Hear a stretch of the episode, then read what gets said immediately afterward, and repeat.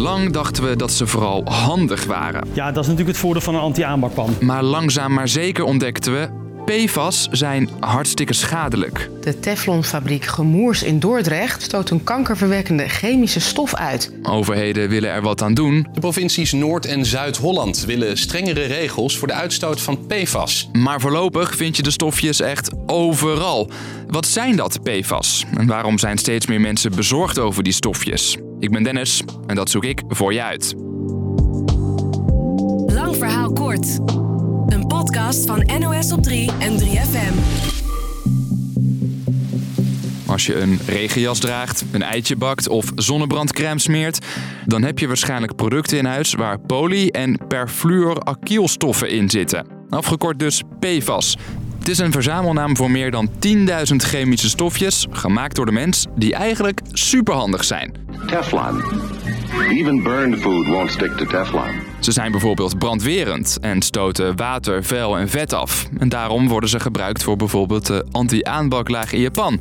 Hoef jij de restjes ei er niet af te schrapen. You said no scouring? I said no scouring. No scouring at all? Nope. Teflon cleans easily with a quick wash and rinse. En ze zijn onverwoestbaar. Of zoals PFAS ook wel worden genoemd. They are known as forever chemicals. De ontdekking van de stofjes ging eigenlijk per ongeluk. Dat zei de uitvinder 35 jaar geleden. The discovery of Teflon has been characterized as a, as a lucky accident. En het was vooral een goede uitvinding, dachten ze destijds. Maar inmiddels weten we, PFAS zijn behalve handig ook hartstikke slecht voor mens en milieu. Deze slecht afbreekbare chemische stoffen worden in verband gebracht met gezondheidsrisico's, zoals kanker en hartklachten. Lang niet alle PFAS-stofjes zijn onderzocht, maar wat we wel weten, sommige PFAS-stoffen kunnen kanker veroorzaken. Nierkanker, teelbalkanker. Je hoort hoogleraar Milieuchemie Jacob de Boer. En niet alleen kanker, er zijn ook aanwijzingen dat sommige PFAS je lever beschadigen. Een hoge cholesterol veroorzaken, bij vrouwen voor hormoonproblemen zorgen. En Het blijkt ons immuunsysteem aan te tasten. Eh, dat, dat verzwakt. En dat is een, een serieus effect. Dat kan betekenen dat kinderen minder gevoelig worden voor inentingen bijvoorbeeld. dus ja, PFAS in je lichaam? Liever niet. Het is een beetje een sleupmoordenaar natuurlijk. Nog een nadeel, als PFAS eenmaal ergens is, gaat het er heel moeilijk weer weg. Want het is onverwoestbaar, weet je nog? Dus ja, dit nieuws, jaren geleden. De Teflonfabriek Gemoers in Dordrecht stoot een kankerverwekkende chemische stof uit. Dat zeggen toxicologen die onderzoek hebben gedaan. sloeg bij veel inwoners van Dordrecht in als een bom. Rond die Teflonfabriek in Dordrecht is het dus foute boel. Die concentratie daar in Sliedrecht ligt 12.000 keer boven de, de norm die het eh, RIVM stelt voor oppervlaktewaterkwaliteit. Dat zegt Giel Jonker in het tv-programma Zembla. Hij doet onderzoek naar chemie en het milieu. Dat zijn eh, ja, schrikbarend hoge concentraties. Dus zijn de mensen in de buurt ongerust. Je pikt licht een graantje mee van die rommel. En ik denk dat nu 35 jaar dat ik hier woon, dat dat eh, wel aangeslagen heeft op mijn gezondheid. En het gaat veel verder dan alleen Dordrecht. Want die PFAS-deeltjes Die komen vrij in het milieu en die verspreiden zich. En daardoor vind je het in de grond, in slip, dus in water, maar ook in de lucht. Ja, PFAS zijn dus overal.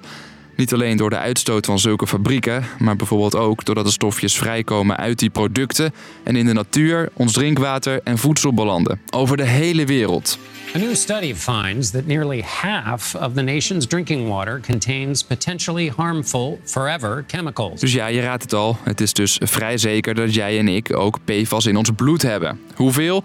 En dus ook hoe gevaarlijk dat precies is, dat is de vraag. Dus we hebben eigenlijk jarenlang geen goede controle gehad, geen goed toezicht. En we weten helemaal niet waar het allemaal heen is gegaan en waar het nu dus opduikt. Zorgwekkend dus.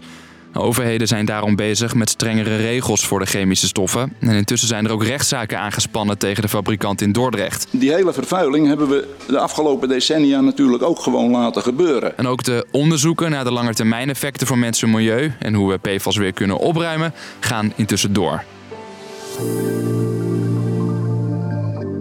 Dus, lang verhaal kort. PFAS zijn overal. Daar zijn wetenschappers bezorgd over, omdat het voor mensen en milieu gevaarlijk is. Bovendien zijn de chemische stofjes onverwoestbaar, dus is de vraag hoe komen we er vanaf? Intussen zijn de ogen gericht op PFAS-makers, zoals Gemoers uit Dordrecht, om de vraag wie hier verantwoordelijk voor is. Nou, wil je meer weten over PFAS? Mijn collega Salwa Hoi. maakt er een video over die we zaterdag 23 september publiceren. Dus hou ons YouTube-kanaal in de gaten. hey, en uh, Salwa, als je hier toch bent, kun je gelijk even de afkondiging doen. Nou, tuurlijk. Morgen weer een podcast. Tot dan.